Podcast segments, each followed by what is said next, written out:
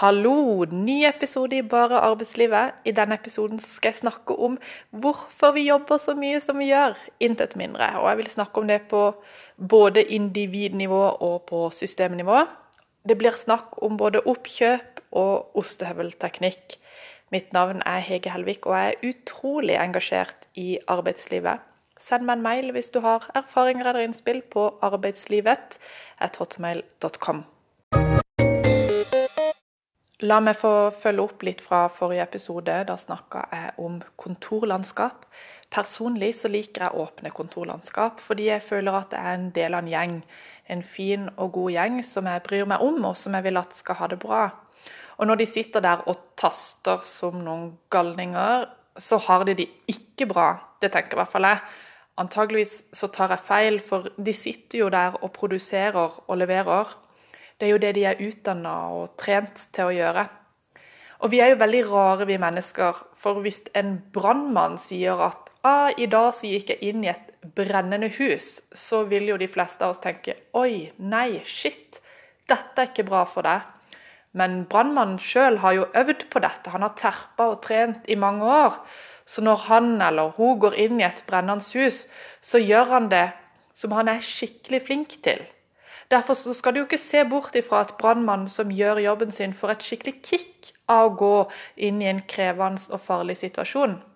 Jeg sier ikke at alle brannmannene elsker dette her, men som jeg har nevnt før, det fins også kirurger der ute som får skikkelig kick av å skjære i syke eller potensielt døende mennesker. De syns dette her er virkelig gøy, mens resten av oss tenker oi, dette brennende huset eller denne kroppen kroppen, som jeg vet ikke jeg, eh, holder på å dø, eh, er noe som skremmer oss.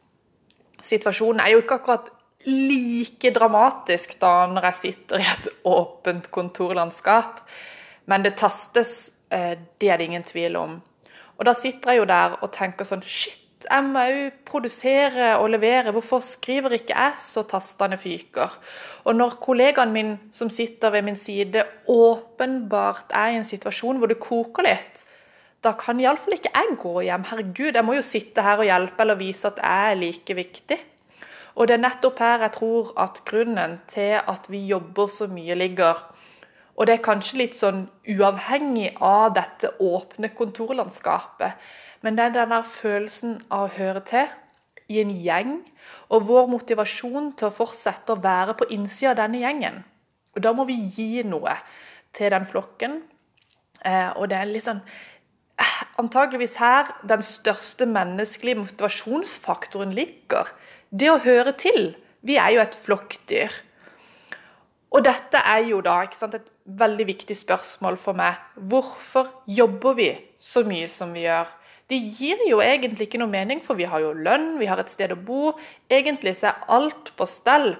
Så hvorfor fortsetter vi da å jobbe overtid og haste fra møte til møte og svare på 100 mail hver dag? Sitte hver bidige søndag kveld for å være litt i forkant og forberedt til neste uke. Hvorfor gjør vi det? Og når jeg da spør folk hvorfor gjør du det, så får jeg ikke noe åpenbart gode svar. Det er liksom Man snakker om noen sånn intern motivasjon og karriereutvikling og alt dette her. Og selv i dag, når jeg åpenbart har tenkt litt på disse sakene her, så klarer ikke jeg å ikke haste så mye inn i ting. Altså, jeg er en evig tidsoptimist og tenker at ja da, jeg får pressa inn enda en aktivitet. Det går helt fint. Men når vi får la diskutert dette her litt, så er det jo ganske tydelig, mener jeg, at det er kollegaene våre rundt oss som gjør at vi jobber mer. Og jeg har hørt det fra så mange som har jobba eller jobber altfor mye. Og flere av de har jo faktisk jobba seg syke. Og de sier at 'jeg gjør det ikke for sjefen min, jeg gjør det for kollegaene mine'. Og dette her får mange følgefeil med seg. At vi fortsetter å gå på jobb selv om vi faktisk hadde trengt en eller to dager av. Ta f.eks.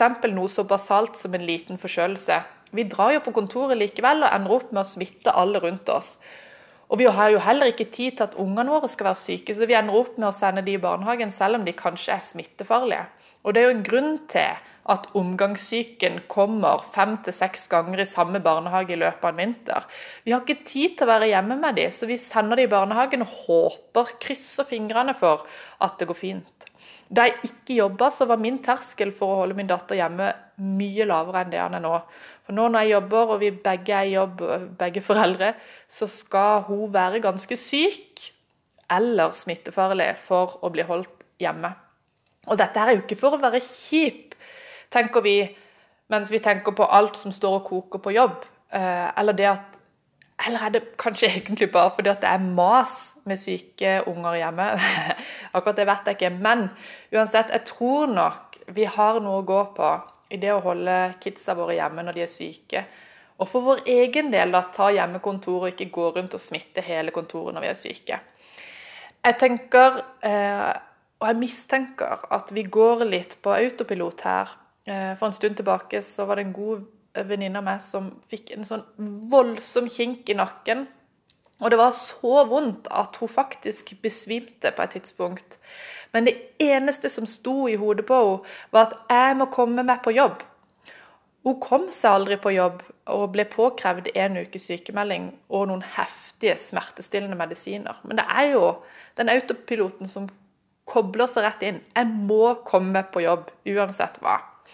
Eh, og denne autopiloten òg eh, er så sterk at vi unngår å ta ut sykemeldinger, selv om vi ganske åpenbart trenger det.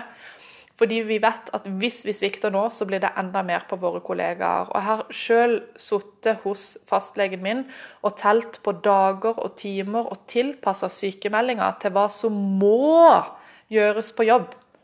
Nei, jeg kan ikke ta 60% sykemelding, men kanskje jeg kan klare 40 eller 35 svarer jeg.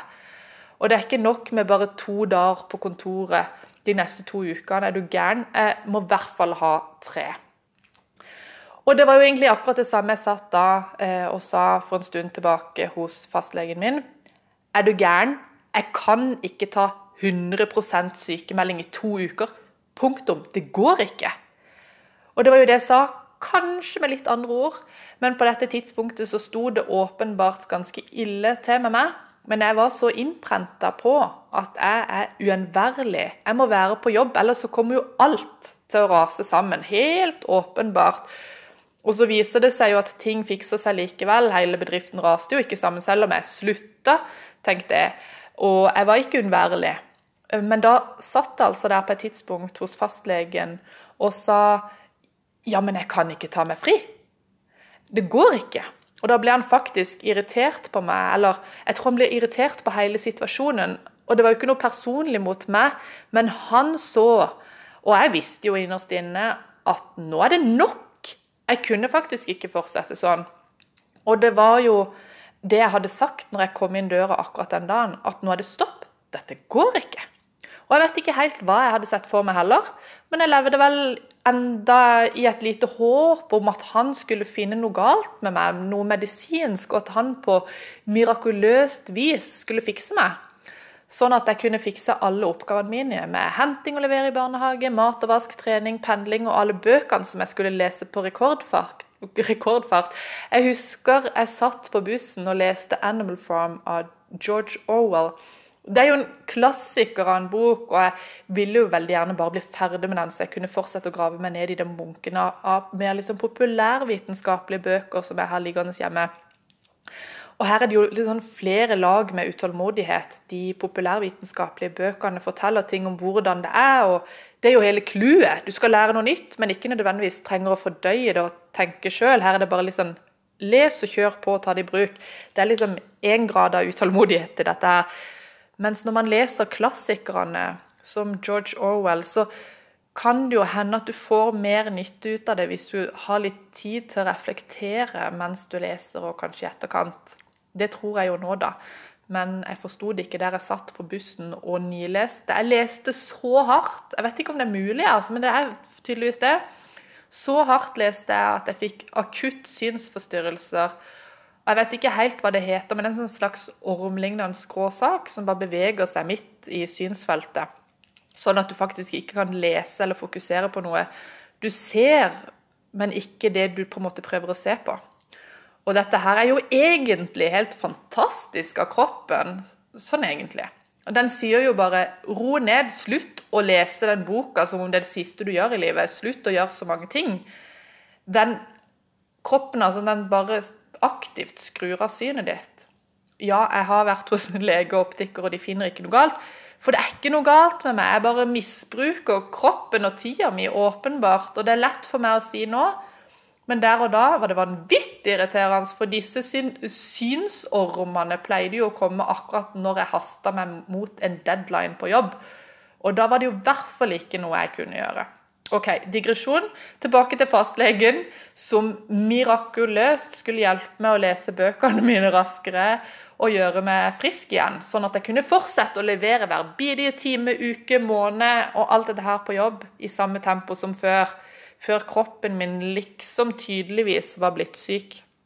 Men jeg var ikke syk, jeg hadde bare for mye, og kroppen hadde sagt ifra i lang tid, den. Men det forsto åpenbart ikke jeg. Så når jeg nå da stiller spørsmålet hvorfor jobber vi så raskt som vi gjør, og da stiller jeg det på et individnivå akkurat nå, så er min foreløpige konklusjon at vi gjør det fordi vi vil være en del av en flokk. Altså Vi vil ikke skuffe kollegaene våre, og vi vil ikke skyve enda mer oppgaver over på disse flotte kollegaene våre. Og denne tanken om at 'jeg må på jobb', den er jo så autopilot i hodet vårt at vi glemmer oss sjøl i det hele. Og vet du hva som pleier å skje når folk har sittet i en sånn håpløs situasjon i lang tid? de slutter. Og da må det begynne nye folk, og de må læres opp. Og vi har egentlig ikke tid til å lære de opp, så da må de prøve å feile masse sjøl. For det fins jo ikke lenger en konkret arbeidsbeskrivelse for hva du skal gjøre.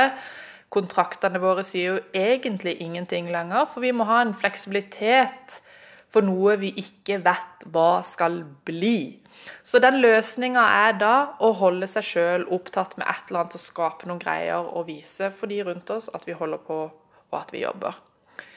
Og hva med de som sa opp jobben? Iallfall her i Norge så er vi så heldige å ha et sikkerhetsnett. Vi får penger iallfall etter hvert hvis ikke vi finner en ny jobb. Vi har lav arbeidsledighet, tross alt. Selv om jeg syns det er helt sykt at vi har et system hvor det er tipp topp tommel opp at bare 60 000 mennesker lever i en form for limbo hvor de ikke vet om de får jobb. Altså, de er arbeidsledige. Ha Jon Chang fra Sør-Korea, han er samfunnsøkonom og har skrevet en bok som du kanskje har sett i butikken for tida. 23 ting de ikke forteller deg om kapitalismen. Det er en veldig fin bok som er verdt å ta en titt. Chang sier at i Sør-Korea, hvor man prøver å være verdensmestere i markedsliberal politikk, så er jobbsikkerheten drastisk redusert. Millioner av arbeidere må stå i midlertidige jobber. Den mest populære utdanninga i Sør-Korea er medisin. Alle vil bli lege. Og selv de dårligste universitetene har høyere snitt enn de beste beste linjene innenfor ingeniør, f.eks.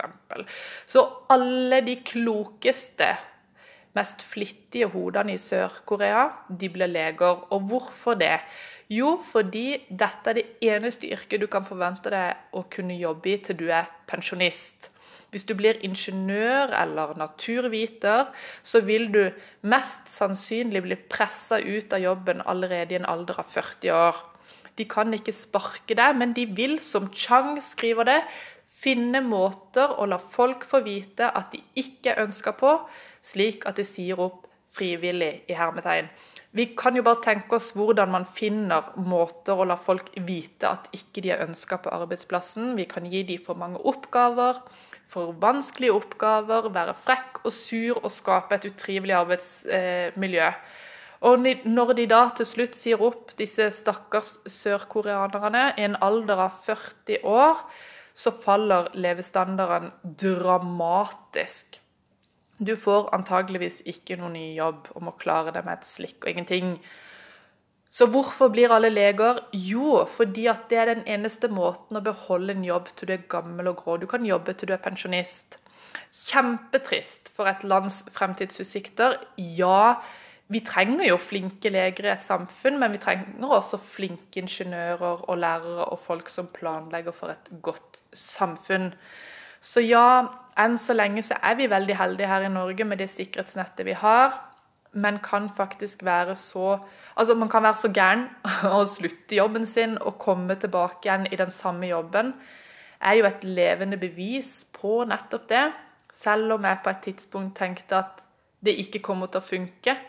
Så hvis du føler deg litt sånn inspirert av å gjøre det samme, si opp jobben sånn som jeg gjorde, så prøv gjerne, med en permisjon først. Ikke gjør det så dramatisk nødvendigvis. En sektor som har mye turnover, altså en stor utskifting av ansatte, er helsesektoren. Og de har mye sykefravær og mange som bytter jobb. Eh, og det er mye deltid. Og det er nok den sektoren i Norge som har vært under mest press de siste årene. De må jobbe stadig raskere, de får flere pasienter og færre hender og færre penger. Og vi merker det jo nå, vi som jobber med prosjekter for offentlig sektor, at det skal spinkes og spares overalt. Og når vi er over nå på systemnivå, for i stad så snakka vi om hvorfor vi jobber raskere på individnivå, og Nå vil jeg snakke litt om systemnivå. Og Her er det to viktige stikkord som jeg har bet meg merke i. Det ene stikkordet er ostehøvelteknikk, og det andre heter oppkjøp. Så la oss ta ostehøvelen først. For norske kommuner, direktorater og departementer de siste årene, etter mange gullår med vekst i skatteinntekter, har altså da de siste årene blitt en del av denne berømte ostehøvelteknikken. Alle får stadig litt mindre budsjett enn fra vårt år. Samtidig så får de jo flere oppgaver de skal løse. Eh, og alt blir jo mer komplekst. Våre sykdommer er mer komplekse. Byggene og nabolagene som skal bygges av en stakkars kommune, er jo mer komplekse. Og vi skal fikse ting i samme tempo. Nei, aller helst litt raskere enn før. For våre politikere klarer jo ikke å ta noe valg. De kunne jo f.eks. sagt at nei, dette trenger vi ikke lenger, så kutter vi den tjenesten eller det tilbudet. Men nei da, vi skal beholde alt, og så bare kutter vi ressursene. Og de selger det jo til oss som om at de skal kutte ned på byråkratiet, og det er godt mulig det, og det hadde jo vært fint. Men da må man være tydelig på hvilken del av byråkratiet man egentlig skal kutte og man ikke trenger. For når det går sånn som det gjør nå, så går det tydeligvis utover alle. Og det er jo det som blir resultatet her dere må jobbe fortere. Tenk mindre, bare ager. Just do it, som det sies så fint. Og det er jo masse sånn omorganiseringer, og man skal finne nye måter å jobbe på, smartere og alt dette her. Men for mange i praksis så må de jo bare gjøre sin jobb pluss tidligere kollegaer sin jobb. Og kanskje nå så sitter de helt alene. Som er jo en trist utvikling. Og kanskje ikke så rart at folk bytter jobb. I privat sektor så er det jo helt motsatt. Vi skal bli flere, hele tida vekst, og gjerne oppkjøp. Her er det den sterkestes rett, de største selskapene som overlever. Vi sier gjerne at man skal spise eller bli spist. Og Det betyr at man skal kjøpe opp bedrifter for ikke å bli spist opp sjøl. Og Da kjøper vi opp bedrifter som gjør noe spennende og noe nytt. F.eks. de siste årene har det vært veldig populært for konsulentselskaper å kjøpe opp bedrifter som jobber med tjenestedesign. Det er ikke så viktig akkurat hva de driver med, disse tjenestedesignerne her og nå, men de er på en måte denne tids, morgendagens kompetanse. Altså dette her er fremtida, på en eller annen måte. Men de er ikke helt sånn typisk managementkonsulenter i måten de jobber på og de rammene de forholder seg til. Så da kjøpes de jo opp, da, disse uh, tjenestedesignbyråene, og presses inn i en sånn type management-ramme. Men de har de jo ikke så veldig lyst til. Så hva, hva, skjer da? Jo, de slutter. Og så får man forhåpentligvis inn noen nye folk som driver med det samme som de gjorde. Og så sier vi at vi har et tjenestedesignbyrå. Men det er jo ingen der til å lære de opp, så da gjør de ting på sin nye måte. Eh, heller ikke så viktig i den sammenheng. Men poenget er at oppkjøp er jo kjempekrevende, så de færreste lykkes med det. er min hypotese, uten at jeg helt vet. Og jeg har sjøl tatt del i oppkjøpsprosesser, altså vært ansatt og sett dette skje, og vært en del av det. Og for å være helt ærlig, jeg digger det. Fordi det betyr at jeg blir kjent med nye kompetanser og folk. Og det har vært kjempeberikende for meg sjøl, hvis man kan kalle det for min karriere. Men det er jo de færreste som har blitt igjen, dessverre. Folk slutter etter å ha blitt kjøpt opp. Peter Thiel er en av Silicon Valleys guruer. Han var med å starte opp PayPal, bl.a. Og han har skrevet en bok om hvordan å starte opp nye bedrifter. Boka heter 'Zero to One'. Eh, og Her sier han at man aldri vil få riktig pris på et oppkjøp når man kjøper en bedrift. For hvis bedriften er knallgod, så vil man jo ikke selge den. Punktum. Men hvis bedriften begynner å halte, så vil man gjerne selge. Og så prøver man jo selvfølgelig å øke prisen og, og fremstå som at man er et skikkelig kupp. Og da ender man jo med å selge en altfor høy pris. Også punktum. Så det TIL sier, er at du aldri vil kunne kjøpe en bedrift til riktig pris. Hvis du får kjøpt den, så er det egentlig ikke noe du har lyst på. Så kanskje spis eller bli spist kun er en seigliva myte og bløff. Hvis du er nysgjerrig på boka 'Zero to One', så er den spennende og litt annerledes. Men vær litt obs, han TIL er en sleiping. Såpass sleip at jeg i dag er veldig skeptisk til PayPal. Jeg bare sier det. Nå høres det jo ut som natt og dag, da. Offentlig sektor, der skal det kuttes. Mens i privat sektor skal det vokses. Vi skal gjøre mer. Men for å kjøpe opp, så må det jo komme noen penger på bordet. Eh, og hvordan får man mer penger? Jo, man må få folk til å jobbe raskere. Og så får man jo til det. Folk jobber raskere, og vi tjener enda litt mer. Og så kan vi kjøpe opp. Men så beholder vi dette nivået, da. For det funker jo. Og neste gang man skal kjøpe opp, så må folk til å jobbe enda litt raskere. Og enda litt, og enda litt. Og vi blir da med hele tida på å øke nivået i effektivitet for oss sjøl. Steg for steg så blir vi vant for et raskere tempo. Og det er jo dette her som skjer på systemnivå. Ho Yanchang, mannen fra Sør-Korea, denne samfunnsøkonomen jeg snakka om i stad, påpeker at vi har overlatt veldig mye makt til aksjonærene i bedrifter i dag. Og de eier jo litt eh, og har egentlig masse interesse da inn i bedriftene som de er litt eiere av. Iallfall økonomiske interesser. Og egentlig er den eneste interessen de har, er jo at aksjene skal vokse litt, eller masse, da, før de selger seg ut og kjøper seg inn et annet sted. Chang påpeker at aksjonærene har jo ingen interesse i at jeg eller du eller noen andre kan stå i jobbene våre i lang tid.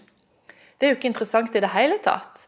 Men de vil veldig gjerne at vi jobber litt raskere og tjener litt mer penger nå. Det er de interessert i. Faktisk er det egentlig ganske urettferdig å tenke på at vi alle jobber raskere fordi det sitter en politiker som ikke vil ta et aktivt, ordentlig valg, eller fordi at det er aksjonærer eh, der ute som allerede har masse penger, men som ønsker mer penger. Når de ser på oss, så er vi kun tall på en rapport. Jeg føler faktisk at alt jeg har lagt ned i ekstra innsats, kommer noen andre til gode. Iallfall økonomisk. Og jeg hadde levd veldig fint med det hvis det var til fellesskapet, sikkerhetsnettet vårt. Men det virker ikke helt som det er det som skjer nå. Det meste tilfaller grådige menn i dress. Og det er jo mulig jeg tar feil her, og da vil jeg veldig gjerne vite det. Og så må jeg også få sagt at akkurat i den bedriften jeg jobber i, så er det et eierskap som et, en fond eller en stiftelse. Så det sitter ikke en aksjonær der og pisker oss. Men vi må jo jobbe raskere, og vi gjør jo det, vi også. Og det er kanskje fordi vi konkurrerer i et marked hvor veldig mange av våre konkurrenter piskes av aksjonærer. Så vi må liksom levere, vi også.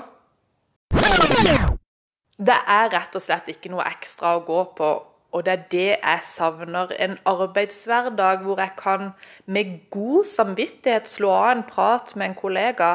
Herregud, en hverdag hvor jeg kan slå av en prat med naboen eller hvem, hvem som helst. Og det gjør jeg nå, for å være helt ærlig. Jeg tvinger det gjennom. Og det går helt fint. Bedriften tåler det, og familieforholdet tåler det. At jeg holder litt tilbake. Men jeg må liksom hele tida jobbe med meg sjøl. Ikke bli for ivrig, ikke bli for tidsoptimist. Alltid ha en buffer, for den blir jo spist opp. Det, du kan være helt sikker på det, og jeg tror alle har en lekse å gjøre her. Eller mange lekser. Hele tida jobbe med oss sjøl. Hvordan å holde litt mer tilbake. Hvordan å skape en buffer i hverdagen. Og jeg vet igjen, dette er kjempevanskelig, men denne her spiralen som vi er med på, å bare jobbe raskere og raskere, ender med at vi ødelegger for oss sjøl og for andre. Takk til alle de fine lytterne har der ute, og takk for at du hørte denne episoden om oppkjøp og ostehøvel. Vi jobber for mye fordi vi ikke tenker. Jeg tror det er konklusjonen i denne omgang. I neste episode så vil jeg snakke om det å være senior i arbeidslivet i dag. For det viser seg at kompetansen til seniorene ikke lenger er ønska. Hvorfor det, tro? Og vil det samme skje med meg og deg når vi blir gamle? Det vil jeg snakke om i neste episode. Ha det bra!